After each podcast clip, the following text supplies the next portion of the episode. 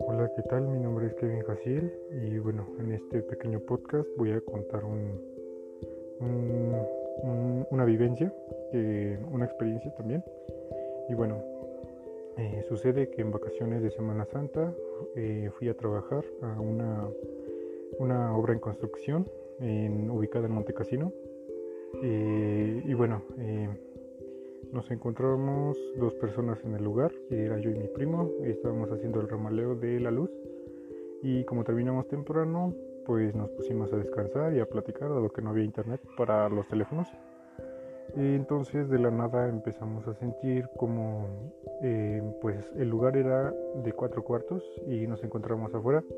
Tiene ventanas muy amplias. Eh, empezamos a sentir como alguien nos observaba. Y bueno, primero fui yo y le dije a mi primo. Y pues no me creyó, pero después él también lo sintió. Y así estuvimos un buen rato. Sentíamos como que una sombra pasaba de un lugar a otro, como que alguien se asomaba.